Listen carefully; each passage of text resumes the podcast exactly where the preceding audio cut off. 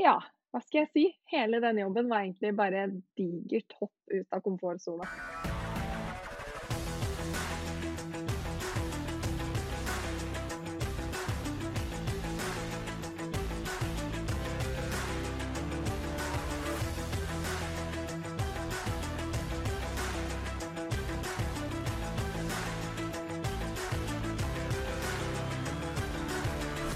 Hei, Berit. Hei! Så veldig hyggelig å ha deg her i podkast i dag. Vi bruker jo å starte med noen standardspørsmål, sånn at lytterne får eh, en oversikt over eh, bakgrunnen din. Så jeg tenker vi bare kjører på med det. Hvor gammel er du? Eh, jeg er 26 år, snart 27. Og hva er din hjemby, og hvor bor du nå? Jeg har vokst opp på en plass som heter Os i Østerdalen. Jeg vil ikke ha kalt det hjemby, men hjemby. og så har jeg flytta litt rundt, men nå bor jeg i Kristiansand, da, på Sørlandet. Hva er utdanningsbakgrunnen din, og hvor studerte du? Ja, eh, der har jeg òg vært litt eh, forskjellige plasser. Men jeg begynte i, eh, i Tromsø. på ledelse, innovasjon og marked da, ved Universitetet i Tromsø. Eh, og så etter det så gikk jeg på Gründerskolen, som er arrangert av Universitetet i Oslo. Men da var jeg da ute i, ute i verden. da reiste jeg til Canada eh, og studerte også da ved University of Toronto. Eh, så det er på en måte også på lista. Og så har jeg vært en liten tur innom Emergent School of Leadership i Oslo. Og tok da ja, litt studiepoeng i selvledelse. Og så har jeg nå tatt en master i entreprenørskap og innovasjon på programmet Skift eh, på Universitetet i Agder. Har du hatt noen verv på de her studieplassene? Eh, ja. Jeg har jo, altså, hovedvervet er jo gjennom eh, studentorganisasjonen Start. Så eh, Start UiT starta det med. Eh, og så har jeg vært i Start Norge også, da. Eh, så har jeg jobba litt frivillig med debutuka eh, til Universitetet i Tromsø. Som er en sånn eh, ja, introuke for internasjonale studenter. For de kommer jo hvert halvår, så da har de et eget opplegg. Og ja, siden studiene, hvor har du jobba, og hva har du jobba med? Ja, eh, litt forskjellig. Jeg, tok, jeg, begynte jo faktisk å jobbe da etter bachelorgraden i Tromsø. Eh, så, nå, så, nå, går jeg på en måte på fulltid. Jobba jo litt deltid her og der også. Men eh, ja, gjennom en eh, deltidsstilling mens jeg eh, gikk bachelor, så ble jeg litt introdusert for reiselivsbransjen da, i Tromsø. Så etter bacheloren så fikk jeg jobb på Radisson Blue Hotel i Tromsø for å jobbe med salg, da. B2B-salg av kurs og konferanse. Og så ble jeg student igjen. og nå jobber jeg i Trainee Sør, som er ja, et trainee-program som lar deg jobbe litt forskjellige plasser. Da. Så akkurat nå så jobber jeg for Nye Veier hvis man er så nysgjerrig og tar en rask titt på LinkedIn-profilen din, så, så, ser man jo at du har jo jobba med veldig mye forskjellig og litt, eh, ja, litt deltidsstillinger her og der gjennom hele studietida. Så du har jo rukket å gjort, gjort veldig mye. Jeg følte at jeg måtte scrolle i en evighet for å komme meg ned til slutten. men, eh, men, det er jo positivt. Det er jo når man er student at man har muligheten til å prøve mye forskjellig også. Men har det vært en bevisst strategi fra starten av å, å prøve seg på mye, mye forskjellige, i forskjellige stillinger? Um, altså, Hvor bevisst det har vært, vet jeg ikke. Men altså, jeg syns jo det er kjempeartig å jobbe. Uh, og jeg syns det er veldig artig å lære nye ting. Uh, og jeg er veldig sånn nysgjerrig på Jeg syns det finnes veldig mange ulike spennende fagområder. da. Så, så, de mulighetene jeg har fått eller har sett, har jeg jo prøvd å tatt underveis. Så ja, så lærer man underveis hva man liker å drive med og ikke. Og, og, da er det jo lett å hoppe på nye muligheter igjen etter det. Så, men jeg, jeg, vet at jeg har lyst til å gjøre veldig mye. Så, så det, ja. Det har jeg på en måte gjort. Har du alltid visst hva du har lyst til, eller har du vært mer nysgjerrig og åpen for, for det som har dukka opp? Ja. Um, nei, jeg har, ikke, jeg har, ikke, alltid visst hva, akkurat hva jeg har hatt lyst til å gjort. Um, så jeg har jo vært innom en del ulike ting. Ehm, jeg gikk jo f.eks. musikklinja på videregående, så jeg hadde en kort periode hvor jeg tenkte jeg skulle bli musiker. Mm. Eh, helt til jeg lærte hvor repetativt det er å være musiker. Det krever vanvittige mengder øving, og da ble jeg kjeda jeg meg fort. um, uansett er det jo veldig veldig artig da, å drive med musikk. Eh, og så hadde jeg jo en kort periode hvor jeg tenkte jeg skulle gå innafor noe teknisk, kanskje bli ingeniør. Men eh, etter eh, ja, det var omtrent to uker med fysikk og matte R1 på videregående, så rakna det fullstendig. For da kom vi til akselerasjon. Jeg syns alt var vanskelig før det også, men når vi kom til det, så bare Jeez, hva er det her for noen ting? Um, så da hoppa jeg av begge de to fagene. ja. Men så nei, det er jo prøving og feiling og være litt nysgjerrig, snakke med folk. Så har det jo blitt litt etter som man har gått, da. Vil du si at det har vært en kombinasjon da, av prøvd ulike eh, studieretninger, men også prøve seg litt ulike eh, jobbsettinger som har gjort deg enda litt mer klokere på hva, hva du kanskje trives å jobbe med? da? Ja, absolutt. Ja, fordi én ting er på en måte fagfeltet, men man skal jo også bli klok på hvordan man liker å jobbe. Um, F.eks. det her med sant, å jobbe selvstendig eller jobbe i team. Um, ut mot hvem skal man uh, ja, rådgi, skal man hjelpe? Altså, det er jo så mange ulike aspekter man ikke tenker på. Uh, jeg tror jeg tidlig var veldig fokusert på fag. Og så har jeg senere lært at det er jo så mye mer. Man kan på en måte Flere lag da, man kan gå gjennom. Så um, ja. Nei, det er work in progress. ja, hvordan, hvordan, nye lag fikk du avdekt? Um, nei, altså er, Vi kommer jo sikkert litt mer inn på det her med gründerskap etter hvert. Men, men f.eks. det å skape versus å jobbe for noen. Det var jo et lag, og det er jo ganske stor forskjell på de to. Eh, ja, som jeg nevnte, det å jobbe mest eh, selvstendig og det å jobbe mest sammen med andre definitivt en eh, jobbe med andre person. Jeg syns jo at å sitte i sånn kontorfellesskap er jo drømmen, f.eks. Å kunne snakke med folk masse i løpet av en arbeidshverdag. Og om du på en måte skal du sitte med beslutninger, eller skal du hjelpe andre å ta beslutninger. Ja. Og det kommer sikkert enda flere lag jo mer eh, man jobber også. Ja, det er mange nyanser. og eh, og det, man vet jo ikke helt hva man trives best med før man uh, står i den situasjonen sjøl. Og, og, så vil jo alle situasjoner være ulike, der man må spille på, på, de ulike erfaringene man har fra ulike settinger. Så det, det er artig å ja, være en oppdager av, av, sine nye lag da, som man kanskje ikke visste at man hadde. Ja, det var veldig fint formulert. Helt enig. Og så nevnte du det her med gründerskap, og siden vi har uh, I første episode så gjennomgikk vi jo litt hva hva ledelse, innovasjon og marked eh, går ut på. Det samme som du har studert. Så jeg tenker vi hopper rett på, eh, på eh, hva Altså, du gikk på gründerskolen. Kan du fortelle litt hva det er? Eh, ja, det er jo eh, altså sånn rent praktisk så er det jo et eh, sommerprogram, egentlig. du får 30 studiepoeng på masternivå fra det programmet.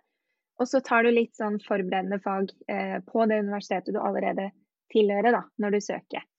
Eh, og så gjør du det her når du har eh, bachelorgrad, hvis jeg ikke husker helt feil.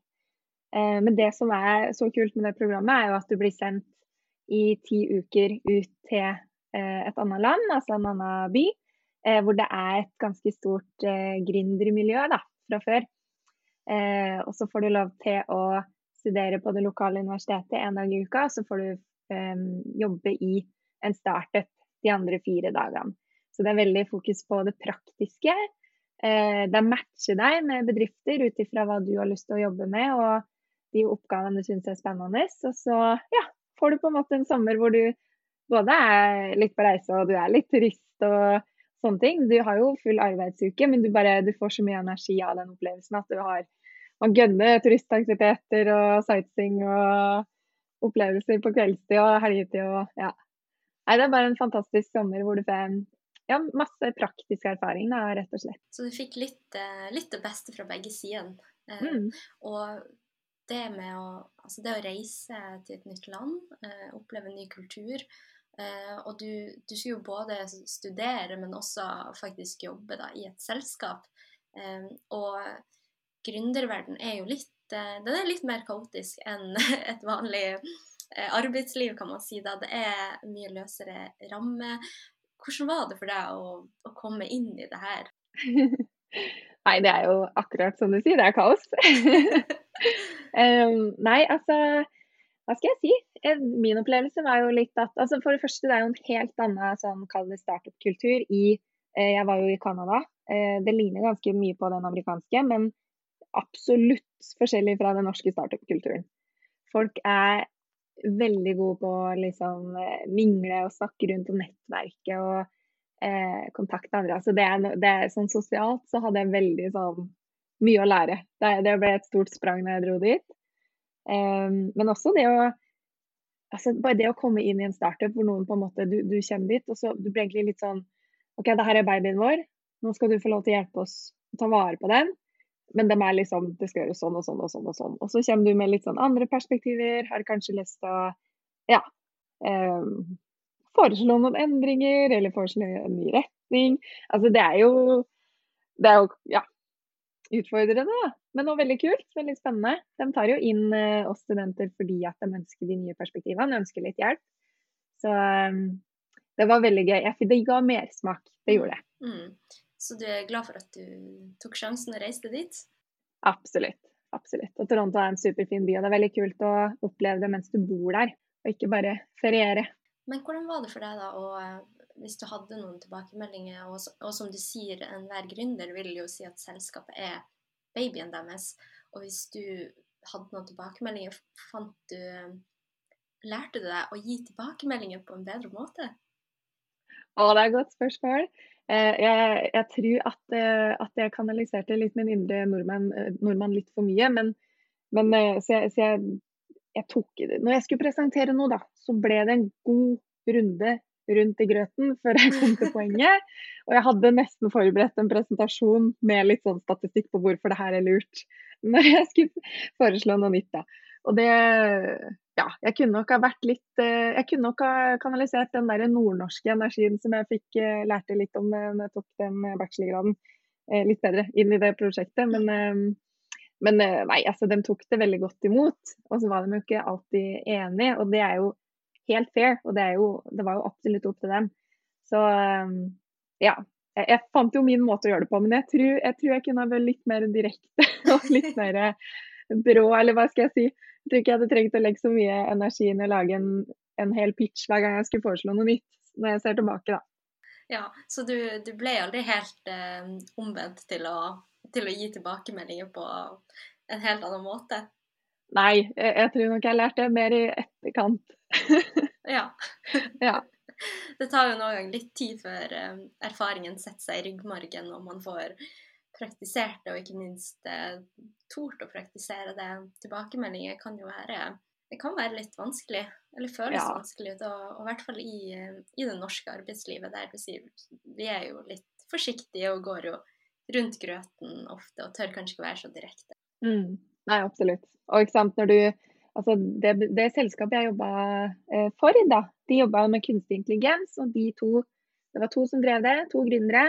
Og begge de to hadde doktorgrader, og han ene hadde doktorgrad i kunstig intelligens. ikke sant? Så du føler deg litt sånn underdog da når du kommer inn i en sånn diskusjon og skal foreslå noe. Men um, ja, vi fikk en veldig, veldig fin sånn dynamikk etter hvert, altså, absolutt. Og ja, jeg endte jo med en leveranse hvor egentlig jeg bare hadde en leveranse med masse tips til hva jeg tenkte uh, var lurt for dem å gjøre da på salg og markedsføring for å løfte seg. Så Mm. Og så, eh, så, tar jo det her eventyret en eh, Alt har jo en ende. Eh, og du reiser tilbake til Tromsø, som da var studiebyen din. Og så, og så får du det Da bestemmer du deg for å gå ut i jobb? Ja, jeg hadde egentlig gjort det før jeg dro til Toronto med gründerskolen. Så, så hadde jeg signert med jobben, da. Så jeg visste på en måte hva jeg gikk tilbake til.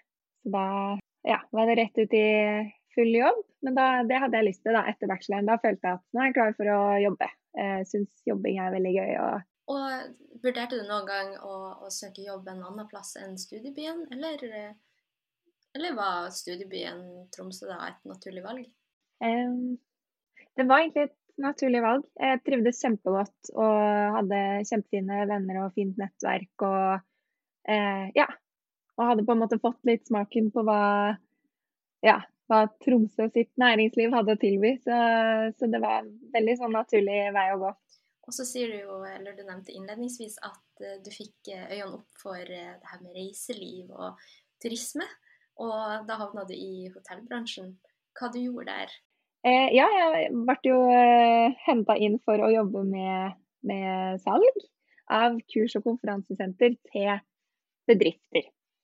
Eh, så det var jo en helt ny rolle. Jeg hadde ikke jobba noe særlig med salg, annet enn i typ skobutikk før det, og turistinformasjon. Salg av opplevelser. Så, og heller ikke mot, så mye mot bedriftsmarkedet, da. Så det var, det var en ny opplevelse. Og ja, hva skal jeg si? Hele den jobben var egentlig bare digert hopp ut av komfortsona. Mm, på hvordan måte? Nei, det var veldig um, Altså, det involverte jo å være veldig, kall det sosial, utadvendt eh, på. Det var en del ikke sant, eh, sånn type cold calls, at du skal ringe opp eh, lister med, med bedrifter eh, som kan være aktuelle til å legge et møte eller et arrangement eller konferanse til hotellet. Og, og det skulle selge inn noe over telefon uh, uten, at, uten, at, jeg visste at de hadde et behov for det, og at de kanskje allerede hadde sagt til meg at det har vi ikke behov for. Dæven steike, det, det, det var jeg ikke god på. ja, jeg tror det knyter seg i magen for mange når de tenker å ta, ja, ta opp telefonen og ringe ja, ja. uten en varm inngang. Ja. Uh, og så var det jo en del av jobben som var litt mer sånn Eh, møter, da. Få folk innom eh, på hotellet og ta et møte, vise dem litt rundt. Og det, det, var mye hyggeligere, og det var mye bedre. Um, men det også var jo, det var jo spennende. Det var jo masse ukjente mennesker som jeg skulle prøve å få til å like hotellet på kort tid. Så ja, nei, det var Altså, jeg, jeg lærte jo i den jobben at uh, salg er ikke min greie. Det lærte jeg ganske fort, men jeg holdt det jo gående og tenkte at uh, vi må jo bare gi det et uh, forsøk. Eh, men det som var, var at det var en så utrolig fin plass å jobbe på. Det var liksom bare en sånn storfamilie med mennesker. Eh, og utrolig fine folk jeg jobba sammen med. Så, så ble, alt ble bare en positiv greie, sjøl om jeg på en måte måtte pushe meg da, hver dag på jobb og eh, prøve å strekke meg etter noe jeg ikke var så god til. Mm. Og det her med ja, det med gode kollegaer og et godt arbeidsmiljø, det er jo noe som går igjen i alle samtaler. Ja. Eh, og så nevnte du jo at det, det, var kanskje heller det her med salg. Hva det var med salg som ikke passa deg? Jeg tror, jeg tror at, uh, at jeg hadde vært flinkere på å på en måte ekspedere et, noen som kom til meg med et behov. Men det å skulle overbevise folk uh, om at vi var bedre, eller at det burde være her og den type ting, det bare det, det, kom ikke naturlig, og det, det, ble ikke mer naturlig ettersom. Um, ja. Nei, jeg tror, jeg, tror jeg, jeg, føl, jeg, følte meg litt sånn Hva skal jeg kalle det? Uh, litt påtatt. Det ble litt for påtatt. Uh, jeg følte ikke at jeg kunne, at jeg kunne være helt meg sjøl og Ja. At, at jeg, tok på meg en maske som jeg ikke på en måte hadde lyst til å ha på meg. Uh, det ble ubehagelig, egentlig. ja. Det var et godt bilde på det. Og det er jo greit å ha prøvd, så vet man at, eh, at man nødvendigvis Kanskje ikke det man liker best, men også har du jo sikkert lært veldig mye. og og det å kanskje ta kalde telefoner i ettertid har kanskje vært litt enklere, siden du fikk mye mengdetrening med det ja. i den jobben. Ja, telefonskrekken ble ganske mange hakk mindre. Det ble vi jo. Ja. Så det var jo kjempebra. Ja. Hvordan var det å komme ut i fulltidsjobb? Du hadde jo da jobba en del allerede på gründerskolen, men det er jo litt annerledes å komme tilbake til en, ja, en litt mer satt arbeidsplass og, i Norge? Jo, var, jeg var veldig ny. jeg følte meg veldig nyutdanna når jeg gjorde det. Det var utfordrende, og jeg gikk, jeg gikk veldig langt ut av komfortsona mi, sånn som jeg har nevnt, i den stillinga. Eh, men så er det jo det at når du er i, på en arbeidsplass hvor det er så mange flotte folk, så, så hjelper det veldig. Eh, og selv om jeg lærte fort at salg kanskje ikke er min ideelle stilling, da, eh, så trivdes jeg veldig godt med hvor sosial jobben var. Så jeg lærte òg, samtidig som at jeg lærte at kanskje salg ikke er helt, helt min greie, så lærte jeg jo samtidig at jeg liker å være sosial, jeg liker å være rundt masse folk mens jeg jobber. Men så var det jo én ting som var veldig gøy med den jobben òg. Det var jo at det var kall det litt sånn dress code. Fordi hotell, hotellet er jo en del av en internasjonal kjede. Eh, og det var på en måte mye sånn internasjonale standarder og litt sånt. Um, så det var, det var, en sånn, kall det norm, eh, at man skulle være litt sånn Man skulle være litt fint kledd på hotellet, da. Eh, og det var, jo, det var jo et hopp å gå fra å være student å gå med litt sånn hettegenser på skolen, til å liksom kjøpe meg dress, og til og med gå med høyhæla sko på jobb. og det var jo Det gikk jo utover både, hva skal jeg si, eh, leggene først og fremst. Det var, det var ja. Eh, fysisk så kjente jeg at eh, beina mine hadde ikke gått så mye opp i høyden fram til da. Men også så følte jeg meg litt sånn der igjen litt påtatt. fordi sant, når du møter en kunde da, som, som møter opp i fullt sånn norrøne outfit, og så kommer jeg der med dressen min og skoene mine, så ble det bare Det var litt komisk. Som ikke annet, i hvert fall, så fikk du um, sterke leggmuskler. Ja, sterke leggmuskler. Absolutt. Absolutt. Og, og, og, etter det, da. Du jobba der omtrent ett år. Ja. Og så bestemte du deg for å gå en litt ny vei igjen. Eh, på en måte. Eh, det som skjedde, var jo at eh, vår kjente korona kom. Eh, og så ble vi permittert, hele bølingen. Eh, ja, vi var omtrent 80 ansatte på det hotellet, og da var det jo aller fleste var, var ut. Så, så, det som skjedde, altså det, det hotellet jeg jobba på var veldig sånn fagorganisert, da. Um, så det var litt det der med at de som har lengst ansiennitet, de skulle tilbake først. Og, de, og, det var på en måte de som ble igjen også. Uh, de få som var igjen. Um, så, så, det jeg gjorde, jeg, jeg dro tilbake til hjemplassen min på Os. Uh, ja, når det her skjedde. For å spare litt kostnader og for å på en måte få litt luft og kunne isolere meg litt lettere.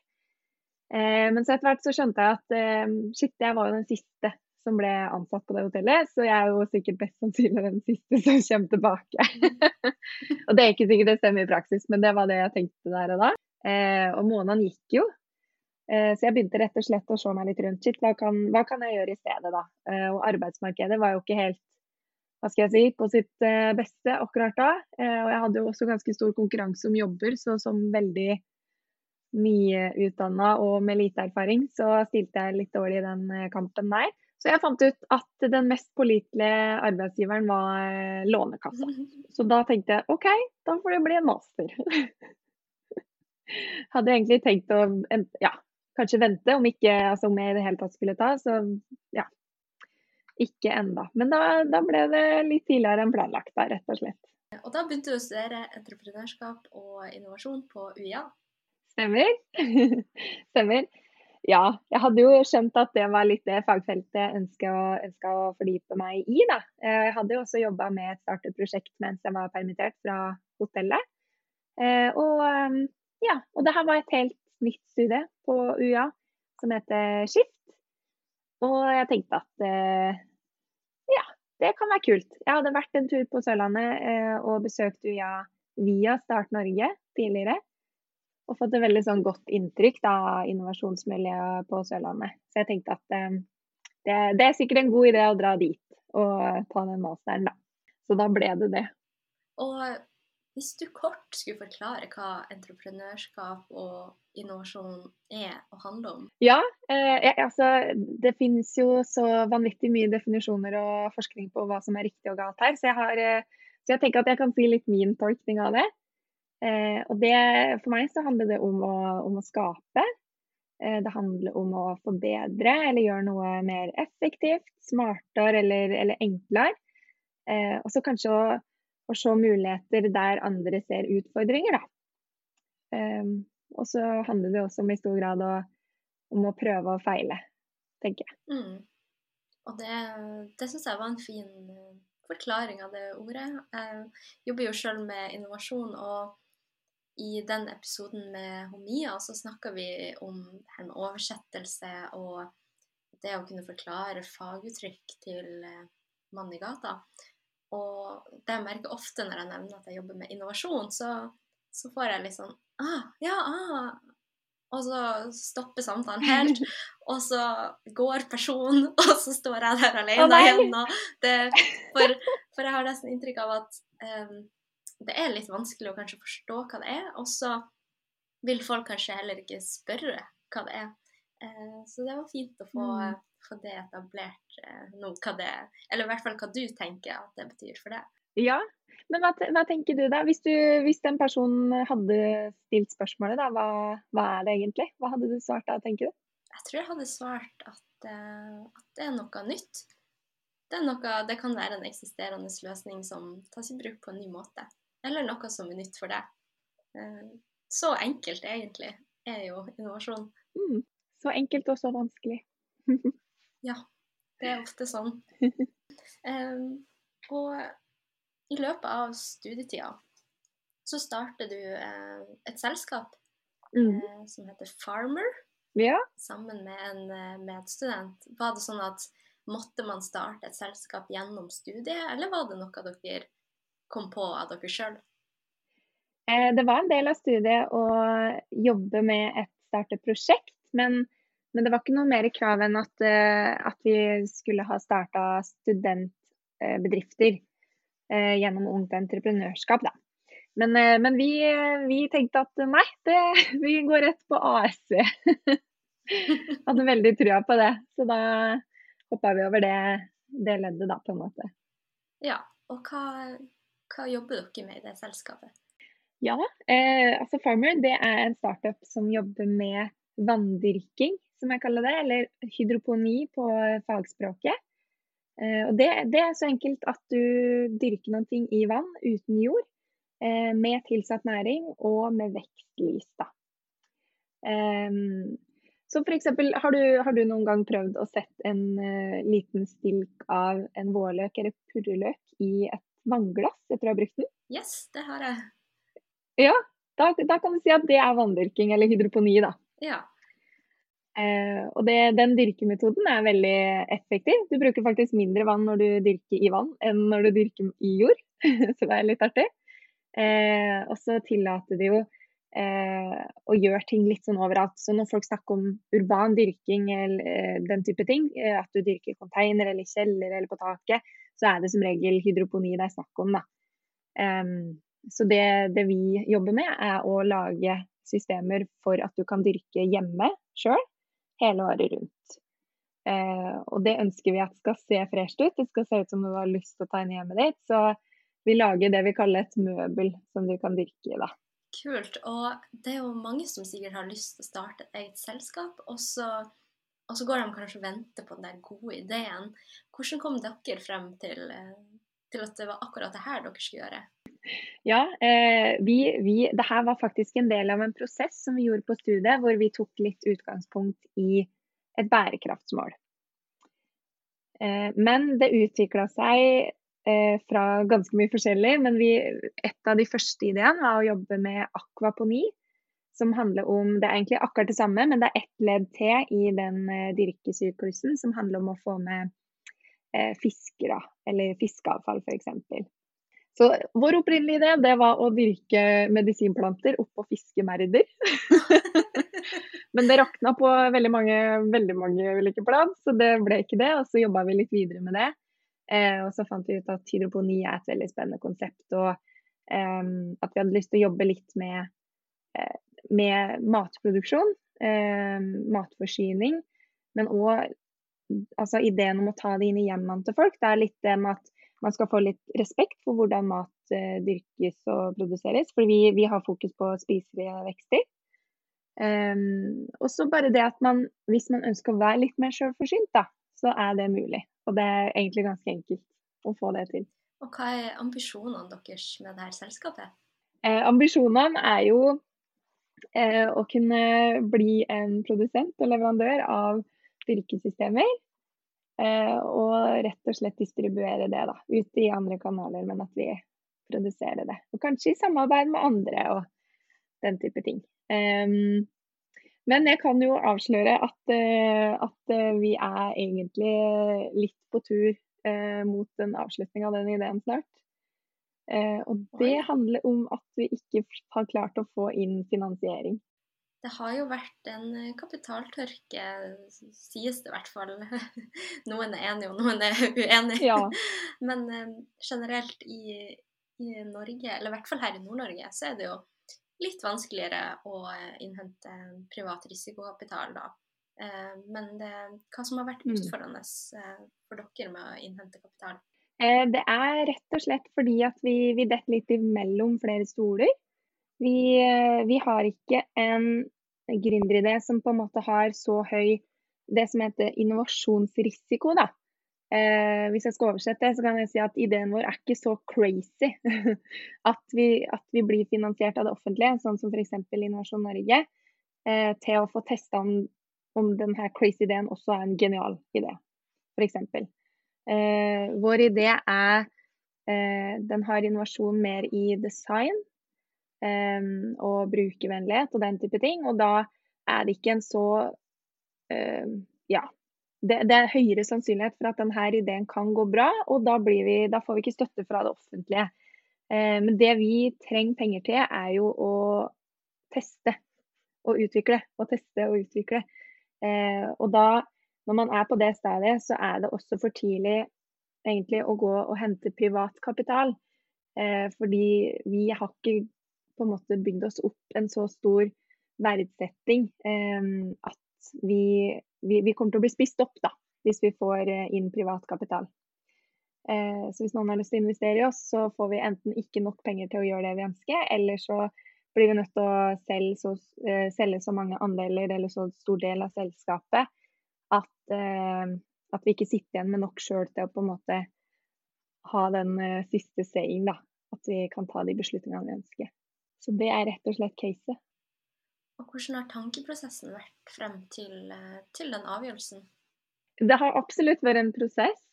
Eh, vi har vel sett eh, trenden til at det skulle gå den veien ganske lenge, men jeg har ikke klart å gi slipp på det. Eh, så det har måttet Apropos baby. Ja, nettopp. Eh, så det har vært en holdt på å si, lengre hva skal jeg si, opptrapping til separasjon. Ja. Eh, det har måttet modnes, det har det. Altså, for jeg har hatt og har fortsatt veldig stor tro på ideen. Um, så det Ja. Men så er det jo litt det der at det, det fins jo Fordi det, det, andre momentet er jo tid. At um, alt tar tid. Og når man begynner å jobbe fulltid, så er man ikke så fleksibel i hverdagen sin sånn som når man var student. Eh, og da er de prioriteringene blir litt tøff, på en måte. Det blir fort den fulltidsstillinga som får prioritet, og da eh, går det fort utover eh, eh hvor mye tid og energi man har til å jobbe på kveldstid med den startupen. Mm. Men hvis du ser tilbake til eh, ja, når dere tok valget om å starte AS, og de tankene og forventningene dere hadde da, og eh, hvis du ser tilbake på hvordan det faktisk ble, er, hvordan har det vært? Ja, man, man, altså når man starter, så har man veldig store drømmer. Og man blir jo veldig gira og tenker liksom ikke sant, Internasjonalt, det her blir kjempebra. Um, så lista lå jo høyt, og drømmene og forventningene deretter. Um, men ja, vi, har, vi, gikk også veldig sånn velinformert inn i det. Man blir jo lært til at ja, statistisk sett så er det ikke så mange gründere som klarer det. Eh, og vi er jo studenter, og vi går ikke inn med noe særlig egenkapital. Vi, vi er veldig avhengig av å få inn penger og ja, alt det her. Så, så, vi gikk på en måte inn med masse store, høye forventninger, men også litt sånn realisme og tanken på at det her blir jo en kjempebra læringsprosess uansett åssen det går. Og så håper vi jo at det går, men uh, uansett så kommer vi jo ikke til å angre på at vi starta, i hvert fall. Hva er det viktigste du har lært uh, fra den prosessen? Jeg, jeg, tror jeg har lært at man kan egentlig gjøre det meste av oppgaver hvis man bare bestemmer seg for det. Dæven steike så mye rart jeg har gjort. Bare sånn, Jeg har jo, vært, jeg har jo ført regnskap, f.eks. Herregud. Vi har jo ikke, vi har ikke brukt penger på regnskapsfører og den type ting, og har måttet sendt inn eh, skatte ditt og regnskap datt og sånt årlig, og det er ja, eh, shout-out til pappa for god hjelp eh, hver gang. Eh, siste liten før de fristene. Men nei, man, altså man, gjør jo så vanvittig mye. og det, det, det, gir mestring, sjøl om man på en måte sånn sett feiler litt som gründer. Så gir det veldig mye mestring i og har gjort alle de ulike oppgavene man gjør, da. Så um, jeg sitter jo igjen med litt sånn Herregud, hvis jeg bare bestemmer meg for å gjøre noe, så, så får jeg det til uansett. Man blir litt sånn pippi av det, rett og slett. Så det er kanskje en, eh, en, erfaring du kan ta med deg videre i, i, situasjoner der det er ekstra krevende, og se litt tilbake på at det, jeg klarte det den gangen, eh, og på en måte ta med den styrken da videre. Absolutt. Absolutt. Og når jeg går inn i jobbintervju, så selger jeg inn uh, mine holdt på å si fails like mye som mine wins. ja. jeg tenker at man lærer jo mye av å få til ting, men dæven så mye man lærer av å ikke få til ting også. Absolutt. Så um, det er viktig å huske på begge og prøve å ikke skamme seg for mye. Ja. Jeg syns det er mm. veldig fint med den åpenheten, fordi det gjelder jo ikke bare det. Og det også viser at at eh, noen ganger går ikke ting helt som planlagt. Og i hvert fall når det gjelder det her med selskap, eller det å starte selskap. Selvfølgelig skulle man jo ønske at alle som starter noe, og jeg syns jo det er helt fantastisk, alle som har lyst til å starte noe. Men så er det jo dessverre sånn at ikke alle ideer har livets rett. Eh, og statistikken, som du sier, den, mm. Den er beinhard på, på, de som overlever, og de som ikke gjør det. Dessverre. Det er helt sant. Professoren min i Toronto sa jo det at egentlig så, så bør man jo ikke utdanne folk så hardt for å bli uh, gründere. Fordi jo mer du lærer, jo mer lærer du at det her er dødsvanskelig og hardt. Og ja, som du sier, statistikken er ikke med deg på noen som helst måte. Og det er et skikkelig trangt nåløye. Men um, ja, vi er jo dumme nok som gjør det, holdt på å si.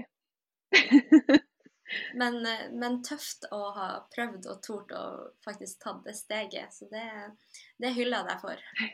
Takk. Så, eh, men entreprenørskap, det er jo en lidenskap du har. Og så var vi litt innom det her med bærekraft. Og du har jo hatt eh, noen trainee-stillinger som handler om eh, akkurat dette. Og kan du først si litt om hva, hva handler en trainee-stilling om? Ja, eh, det finnes jo ulike trainee-programmer eh, rundt omkring i Norge. Så jeg kan jo sånn sett bare forklare litt hvordan eh, Trainee Sør, som jeg er en del av, er oppbygd. Men det vi gjør der, da, er at vi, vi, blir ansatt av Trainee Sør AS. og så blir vi ansatt for ett og et halvt år. Og på de ett og et halvt årene så skal vi innom tre bedrifter. Og være seks måneder hos hver. Um, og de bedriftene de for oss så befinner dem seg på Sørlandet. Først og fremst i Kristiansand, men, eh, men også andre byer, da. Mm. Og eh, de her stillingene er jo ofte veldig attraktive. De pleier å ha mange søkere, nettopp fordi man får lære utrolig mye gjennom de stillingene. Hva du tror som gjorde at akkurat du var så heldig å få, eh, få en trainee-stilling? ja, det kan man jo spørre seg. Um, altså vi, det var jo en ganske heftig søknadsprosess uh, for å velge ut dem som skulle bli traineer. Uh, det var jo den klassiske førstegangsintervju og søknad og den type ting i forkant. Uh, og så sendte de oss på noe som kalles assessment center. og da ble vi rett og slett innlosjert i, på et hotell i Dyreparken i Kristiansand. um, og der ble vi OK, her er settinga, da. Vi var dobbelt så mange cirka, eh, som antall stillinger som fikk være med dit. Eh, og så satt Vi ble, vi ble testa som gruppe, og så ble vi satt i masse forskjellige kontekster. og Større og mindre grupper og alene. Og gitt masse utfordringer. Og vi, vi var typ ikke forberedt på noe som helst. Så det var bare å møte opp og bare deale med det som det vi ble møtt med. Um, og så satt det folk eh, i rommene rundt på en måte, altså ytterst, altså si hjørnene av rommene eh, med notatblokk og fulgte med og noterte. Dritskummelt. Um, men så fort man ble kasta inn i ting, så glemte man de litt. Men det var liksom det var det det ble møtt med, da. Uh, så var vi der i en og en halv dag og bare ble kjørt gjennom masse ulike tester. Og jeg vet ikke om jeg til den dag i dag fortsatt vet hvorfor vi gjorde alle de tingene. Men uh, det var jo noen rekrutteringsfolk der som, uh, som visste hva de drev med. Um, så det var jo uh, en stor del av utvelgingsprosessen. Uh, men det andre uh, var jo det at du skulle bli matcha med behovet til bedriftene i næringslivet. Så, så, de så jo på De hadde jo sikkert noen personlighetstyper eller profiler de ønska å fylle, men det skulle også matches med bedrifter, da. Så, um, så hvorfor akkurat det ble valgt ut, var jo sikkert en kombinasjon av at min eh, kompetanse passa bra med noe bedrift. Men jeg var også litt frampå og litt eh, Hva skal jeg si eh, bold på den assessment center, da. ja. Da kom den der eh, erfaringa fra gründerskolen ja. din. ja, jeg ble fortalt i etterkant at jeg gjorde noen greier som de ikke hadde sett før, som var litt sånn jøss. Yes.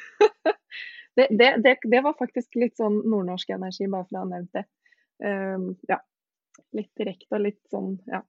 Har du, har du, et eksempel på ja, oppgave eller hva du gjorde som, som de ble litt overraska over? Det er egentlig litt sånn hysj-hysj akkurat hva vi gjorde, men jeg kan jo nevne en setting. Um, da var det en sånn forhandlingssetting da, hvor vi var tre-fire ulike parter, fire tror jeg. Uh, og så fikk vi informasjon om at sant, for å vinne altså Du kunne se for deg at du hadde en case hvor du en, prøver, enten kan du kaste folk under bussen for å komme best mulig frem sjøl, eller så kunne man samarbeide for at alle kom ganske bra frem på en oppgave. Eh, og da var det en, en, av de, og jeg, jeg, var med inn i forhandlinger, da. Så var det en, en av de uh, grupp, kandidatene i forhandlingene som hadde kasta oss under bussen et par ganger, og gjorde det igjen. så jeg kasta han ut av forhandlingsrommet og sa, vet du du får ikke lov å være med. ja, og de bare yes, du gjorde det? Ja. Så det var et eksempel, da. Men uh, ja, det var vel ja, heat of the moment, akkurat den. Men, uh, men jeg klarte å bemerke meg. det var Ja. Det, det, er vel mye rom for å være kreativ i de, i de oppgavene der alt kan skje, høres det ut som. Ja. Men hvordan har det vært å møte arbeidslivet som trainee? Ja, eh, det har vært en veldig, veldig sånn fin inngang til arbeidslivet. Eh, trainee sør, og altså det å være trainee på Sørlandet, er blitt ganske kjent. Eh, og man blir veldig godt tatt imot i de aller fleste bedrifter. Og de syns at eh, det her er en gjeng med flinke folk, og ja, ønsker å ha oss der, da. Så nei, så jeg, jeg syns det har vært kjempeålreit, altså. Og hvordan ser en typisk hverdag ut for deg? Ja, eh, en typisk hverdag. Jeg sitter nok mye bak en eh, PC-skjerm på kontoret. Men eh, altså der jeg er utplassert nå, i Nye Veier, der er det jo også turer til anlegg f.eks. Eh, for å besøke ulike prosjekter, ulike veistrekker. Så det er kult. Så faktisk forrige uke så var jeg med opp i en stolpe, eller hva jeg skal kalle det. fundamentet til det som skal bli Norges høyeste bru snart. Så det var litt spennende. Nå kommer du, vet du, med sånn Vi får jo på oss masse sånn verneutstyr. Uh, så vi, vi, kommer dit ikke sant, med liksom kjemperent verneutstyr og tøy. Clearly ikke, passer ikke inn ute der. Um, fra hovedkontoret ikke sant, og på besøk. Men uh, nei, det er bare hyggelig og kjempespennende å, å kunne dra ut og se litt hvordan det vi jobber med på kontoret, funker i praksis. Da og hvordan det påvirker. Mm. Men absolutt mest eh, på eh, en kontorstol. Det, det vil jeg si. Men eh, dagene er jo fylt med masse spennende møter og uh, ulike oppgaver. Og siden dere har Det var tre rulleringer. Ja. Så hvordan er det å, å komme inn i nye arbeidsmiljø så hyppig? Det blir jo mange nye å bli kjent med og nye kulturer å ta del i. Ja, det blir det. Eh, man blir veldig god på å starte på nytt på en jobb i, når man er en del av en sånn trainee-ordning. Eh, men eh, nei, det er jo det er jo utfordrende. Det er jo helt forskjellige miljøer du skal inn i, og noen miljøer er jo veldig åpne og eh, ja, enkel å komme inn i, og eh, som er vant til å ta imot mange nye og den type ting. Mens andre det kan være litt vanskeligere å komme inn i. Um, litt av utfordringa du har som trainee, er jo at du er på en måte bare på besøk i et halvt år. Eh, så du, du, kan fort bli Noen bedrifter tenker jo ikke over det og tar deg inn og integrerer deg som en helt vanlig nyoppstartansatt. Men man kan også risikere å bli litt sånn Ja, hva skal jeg si? Folk tenker litt sånn ja, men hun skal bare være en kort stund, så jeg skal ikke investere så mye tid og bli kjent med henne, f.eks. Eh, det, det, det skjer jo også. Har du noen uh, tips til de som ja, som er i trainee-stillinger da, for å Det høres ut som man må legge inn litt ekstra, et ekstra gir for å, for å ta del i miljøet. Har du noen tips, da? Ja, det er jo, men det er jo bare å være frampå. Prøve å finne litt eh, felles interesser. Altså, det er vanskelig å komme inn på miljøet ved å bare gå rundt og smalltalke med folk, f.eks. Eh, man må bevege seg litt vekk fra været og kaffe Hva skal jeg si? Favorittkaffe.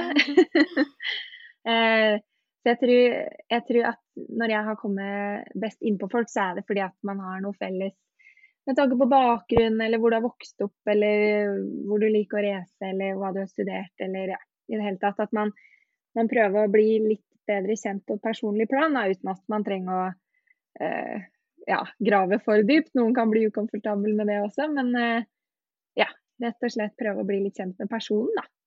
Godt tips. Så kanskje eh, litt mindre av de her standardfrasene, og gå litt eh, ett steg videre, i hvert fall. Ja, prøve det. Mm. Og så prøve, prøve, å ikke ta seg sjøl så høytidelig. Altså by, by, litt på deg sjøl, da. Og prøve ikke å være så stiv, kanskje. Ja, for det det tror jeg man ofte glemmer, at det, det er lov å tulle litt. Eh, og jeg merker sjøl at hvis jeg prøver å tulle litt, så er det kanskje ikke forventa. Så jeg får ikke så mye respons. ja. Folk bare Er hun seriøs, eller hva skjer nå? ja. Men uansett så har det bidratt til å um, mykne opp stemninga litt, i hvert fall. Så ja. da tar jeg den. Da, da står jeg i, ja. i stillheten. jeg har faktisk en kollega som uh, som har en sånn eh, bedriftsvitserbok oh. som har tatt med seg på jobb. Eh, og, så vi har faktisk en høyt, høytlesning av vits hver dag.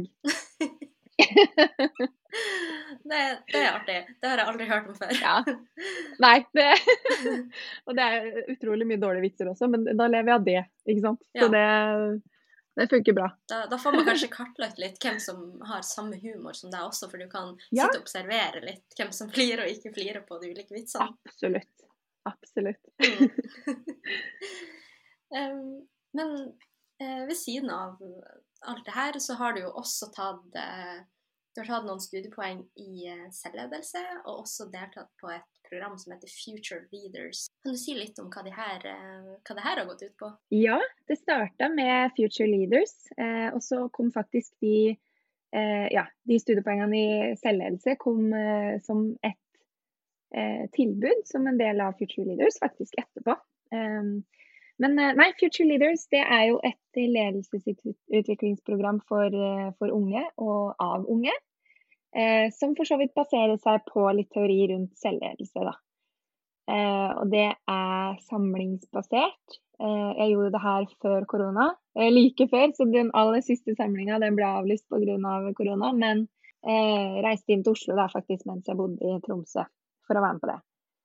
Eh, og det var, det var, en helt vill opplevelse. Jeg veldig, ble veldig godt kjent med meg sjøl i den prosessen. Eh, du får en gruppe som du forholder deg til, og så får du en buddy som du forholder deg veldig mye til. Eh, og så har du en gruppeleder som tar deg gjennom masse ulike oppgaver. Eh, så er det tre nivåer på, eh, på, hele programmet. Så du starter på en måte med å se inn i deg sjøl, og så neste steg så ser du utover til relasjonene dine. Eh, og siste nivå er på samfunnsnivå. Eh, så, så, man blir jo bare helt vanvittig godt kjent med seg sjøl, egentlig, i en sånn opplevelse. Og du, blir, du, du, lærer å være sårbar blant en gruppe mennesker som, som du ikke kjenner så godt. Um, og, og, du får på en måte ta del i andre sine opplevelser òg. Så det var, det, var helt, det var veldig sterkt, egentlig. Um, og veldig fint. Og de oppgavene var så gode um, at jeg har jo gjennomført det programmet med en annen gjeng i etterkant også, bare sånn helt på frivillig basis, fordi at vi følte vi fikk så mye ut av det. Mm.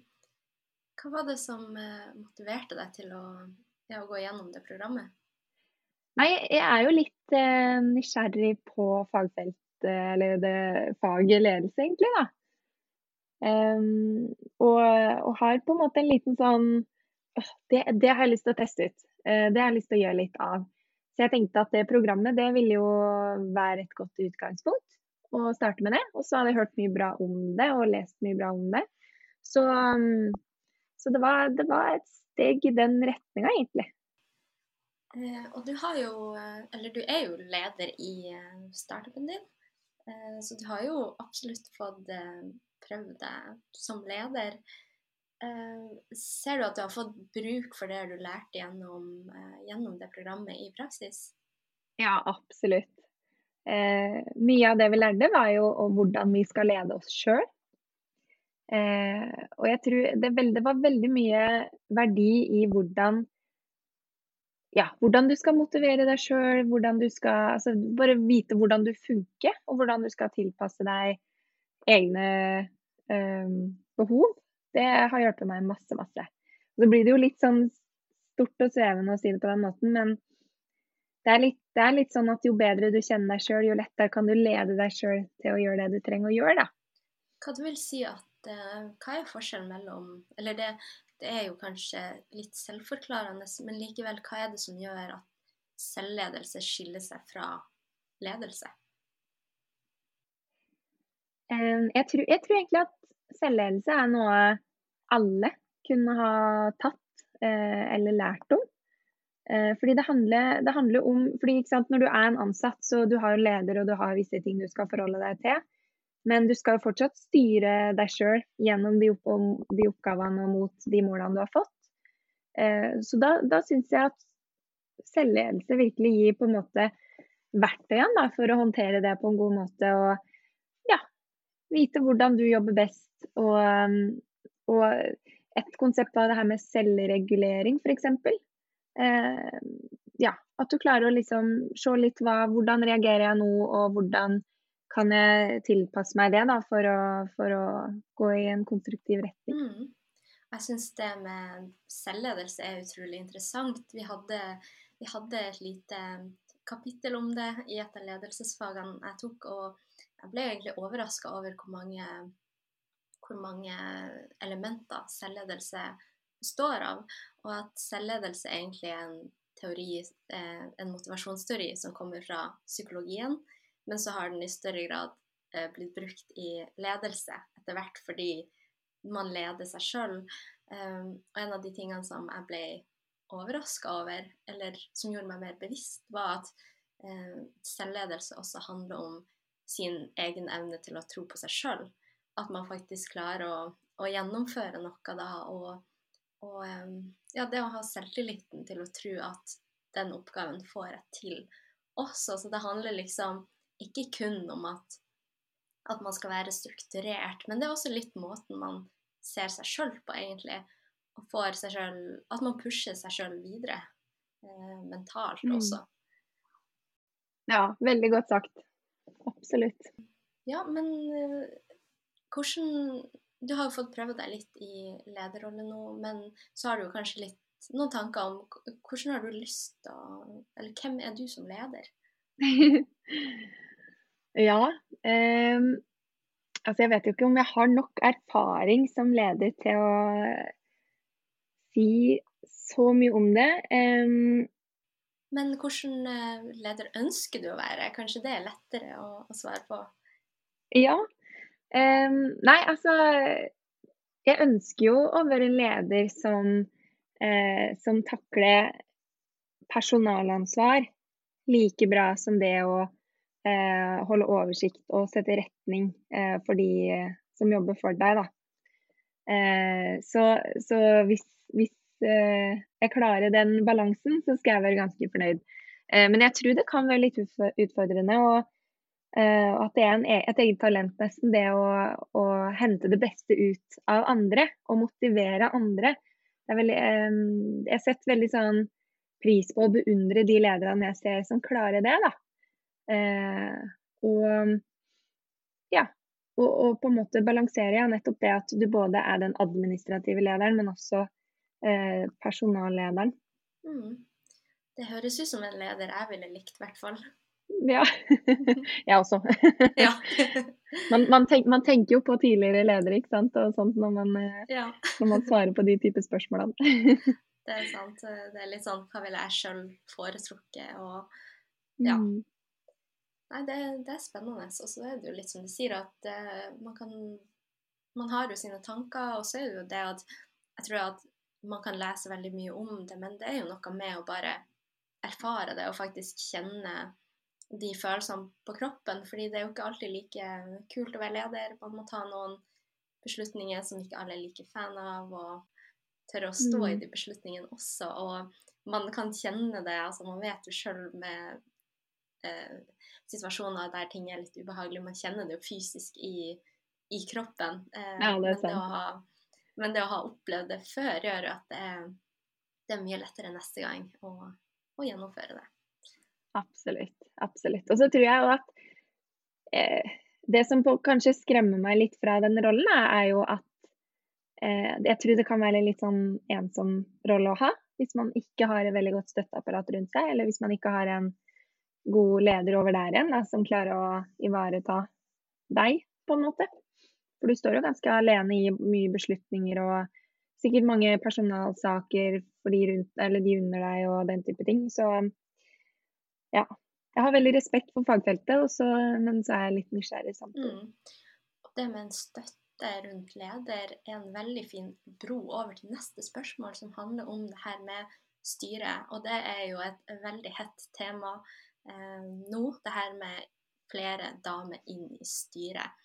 Eh, og du er jo et styremedlem eh, i et annet selskap, og for min del så Jeg innså ikke at egentlig selskapet hadde eller jeg var ikke bevisst over at selskapet hadde styre før jeg begynte på universitetet, og at det på en måte er de som er ansvarlige hvis noe går gærent med, med selskapet. Jeg har alltid trodd at det var daglig leder som liksom var øverste, men det er jo styreleder med styre. Eh, kan ikke du si litt om, om, det å være styremedlem og det ansvaret som ligger i det? Ja, eh, det her er jo mitt første, kall det ordentlige eh, styreansvar eller styreoppdrag etter studentorganisasjon. Så det er jo ganske nytt, men veldig, veldig spennende. Og det er jo som du sier, det har en del ansvar, men så er det også veldig mange fine fordeler da, ved å sitte i et styre og, og kunne hjelpe en bedrift, eh, samtidig som du ser dem utenfra. Så nei, kjempespennende oppgave. Og hvordan kom du inn i det vervet? Ja, eh, jeg ble faktisk eh, henta inn, eller jeg ble spurt eh, om å være med. For jeg har en del Altså jeg sitter jo i styret for noe som heter Bølgen bærekraftsenter. Og det er jo akkurat det det høres ut som. Et senter hvor det er mye fokus på bærekraft. Det er en hub for ulike bedrifter og startups. Og så skjer det veldig mye spennende arrangementer og events innenfor bærekraft og ja, entreprenørskap og alt som er spennende. Så Eh, så jeg ble henta inn fordi jeg både har hatt kontorplass der eh, gjennom et startup-prosjekt, et annet startup-prosjekt, eh, men også at jeg har mye ja, felles interesser da, med, med, de som organisasjon. Mm. Hva vil du si til andre som kanskje ønsker seg styreerfaring? Hvordan kan de få det? Ja, eh, jeg, tenker at, at, det kan være mye hjelp i å bare si det høyt og nevne det. Eh, I Kristiansand så er det som en del av et sånt eh, nettverk for unge, eh, så har de et eget program hvor det går an å søke seg inn for å være litt sånn flue på veggen i et styrerom. Det kan være en inngang hvis man har et lignende tilbud eh, hos seg sjøl. Eh, Eller så tenker jeg at si at du har en organisasjon eller et selskap du tenker der hadde det vært kult å vært. Prøv å, prøv å ta kontakt med et av styremedlemmene og ta en kaffe. eller litt sånn hva, hvordan kom du inn i det, og hva anbefaler du at jeg skal gjøre? Og ja, rett og slett eh, nesten melde litt interesse, da. For da har den deg i hvert fall eh, friskt i minne hvis det, hvis det skulle ja, inn et nytt medlem. Kjempegode tips, og eh, spesielt det her med å, å synliggjøre seg sjøl, tørre å si litt høyt hva man ønsker. For det er jo ingen som er tankelesere, og med mindre du ikke gjør deg synlig, så så skal du jo egentlig ha gjort veldig mye for at du skal bli lagt merke til. For det er jo så mange flinke folk, og, og det hjelper veldig hvis man får en forespørsel, og så vet man om noen som passer den beskrivelsen, og man vet at de har lyst, så er det jo mye lettere å, å, og spørre dem, da. Absolutt. Litt før vi begynner å runde helt av, så vil jeg bare spørre deg om Det er kanskje noen som eh, går rundt og tenker at de har lyst til å, å starte eget selskap. Eh, og nå, nå, la vi jo noen harde fakta på, på, bordet tidligere, men eh, men det, jo, det, betyr jo ikke at det ikke er håp likevel. Eh, har du noe du har lyst til å si til de som går rundt og har en gründer i magen? Um, ja, det kom litt harde fakta tidligere, men uh, mitt tips er bare, bare gjør det. um, nei, altså jeg tenker hvis du, hvis du klarer å, å, samle en god gjeng rundt deg, få et godt team, det er veldig Ja, det vil hjelpe deg veldig mye. Eh, og så jobbe litt godt med å validere ideen. Eh, så hvis du har en idé, bruk litt tid på å finne ut om andre syns det er en god idé, om det er et behov der, om det er betalingsvillighet hvis det er aktuelt, eller om det er et marked for, for ideen din. Um, og, så, og, så, pass på å ha det litt gøy i prosessen òg. Hvis du har en liten win, så husk å feire det. Husk å, fordi det, sant, det er en ganske lang vei opp til en eventuell lansering eller eh, åpning av det du ønsker å gjøre. Eh, så det er viktig å, å, ikke på en måte bare liksom pushe seg sjøl eller piske deg opp for å nå det målet. Det er viktig å, å feire de små seirene underveis også, da. Oh, det er så bra tips, og det er noe vi ofte sier til, eh, til de gründerne vi jobber med. Og så har jeg en eh, kollega som pleier å si, for vi pleier jo egentlig å, å gå litt gjennom OK, men, men hva er egentlig Hvordan viser man at man har validert ideen sin? Og ofte snakker vi om milepæler. Og da pleier kollegaene mine å si OK, men hva er en milepæl? Jo, en milepæl er noe man feirer med kake. Så det viser jo at det, det betyr at det er oppnådd noe, og det må feires. Så det å bevare den der At man kan klappe seg sjøl på skuldra og, og, feire de små winsene, fordi løpet er så langt uansett. Man kan jo bruke denne metaforen om at det er et maraton og ikke en sprint. Eh, mm. Da må man huske å ja, ta vare på de, de høydepunktene som er innimellom der. Det er så sant. Kjempeviktig. Så hva er planene dine, eller målene dine for videre karriere? Ja, um, altså jeg, jeg, er litt sånn Jeg, jeg syns det er viktig å være litt åpen for eventuelle muligheter som kan komme på veien. Så jeg er ikke liksom Innen det året skal jeg være der og der og der. Men én ting vet jeg, og det er at jeg har lyst til å bli veldig faglig god uh, på bærekraft. Veldig lyst til å lære masse og ja, bygge opp en kompetanse jeg kan stå for og kan være stolt av. Det, det, har jeg veldig lyst til. Og så er det det at jeg har lyst til å teste det å være leder. Jeg har lyst til å, å se hvordan jeg er i en lederstilling, da. Og så er jeg åpen for tanken eller eh, eventuelt resultatet at det ikke, at det ikke er det jeg skal gjøre. Men jeg har i hvert fall veldig lyst til å teste ut. Og hvis du skulle gi ett tips til de som er i starten av sin karriere, hva skulle det vært? Ja, eh, og det, det har jeg tenkt litt på. For at en ting som er veldig fort gjort eh, å gjøre når du går ut i en jobb og ut i arbeidslivet med masse, kall det voksne og flinke, kompetente folk som har jobba i mange, mange år, det er å Jeg merka det, jeg sier det for at jeg gjorde det sjøl. Eh, å bli litt mer sånn Å shit, nå skal jeg være litt mer voksen. Nå skal jeg være litt mer sånn Virke litt moden og, og være litt sånn seriøs og den type ting eh, på jobb. Eh, og passe litt på at jeg ikke snakker med mindre jeg vet hva jeg snakker om og den type ting. det, det driver jeg og prøver å legge fra meg litt. For det er mye bedre å stå i det å være litt ung. Du er, du er, fersk i næringslivet og du er helt ny på arbeidsplassen, men du har jo også masse å komme med. Eh, om ikke annet så kan du lære litt sånn ungdomsslang til gamlisene på jobb, men eh, mest sannsynlig har du ganske mye annet å komme med òg. Eh, og jeg har blitt litt mer sånn, slipp meg litt mer løs og er litt mer fri eh, på jobb. Og jeg har fått så mye gode samtaler med kollegaer. og jeg har spesielt, spesielt en på jobb som jeg sitter ved sida av eh, som, eh, som, skal pensjonere seg om noen måneder. Eh, og jeg merker at han har jo vanvittig mye å lære meg. Eh, men jeg har også ganske mange perspektiver som jeg kan dele med han, da, som han syns er interessant. Så i stedet for å på en måte jage litt etter å være en mer moden og erfaren utgave av deg sjøl, så kanskje bare stå litt i det at nei, jeg er ung. Eh, jeg er her for å lære. Jeg er nysgjerrig, jeg stiller spørsmål. Men, og jeg er framoverlent, men ikke sant alle er mennesker, vi er på forskjellige stadier i livet. Eh, bare være litt sånn Ja, jeg er ung, og sånn er det.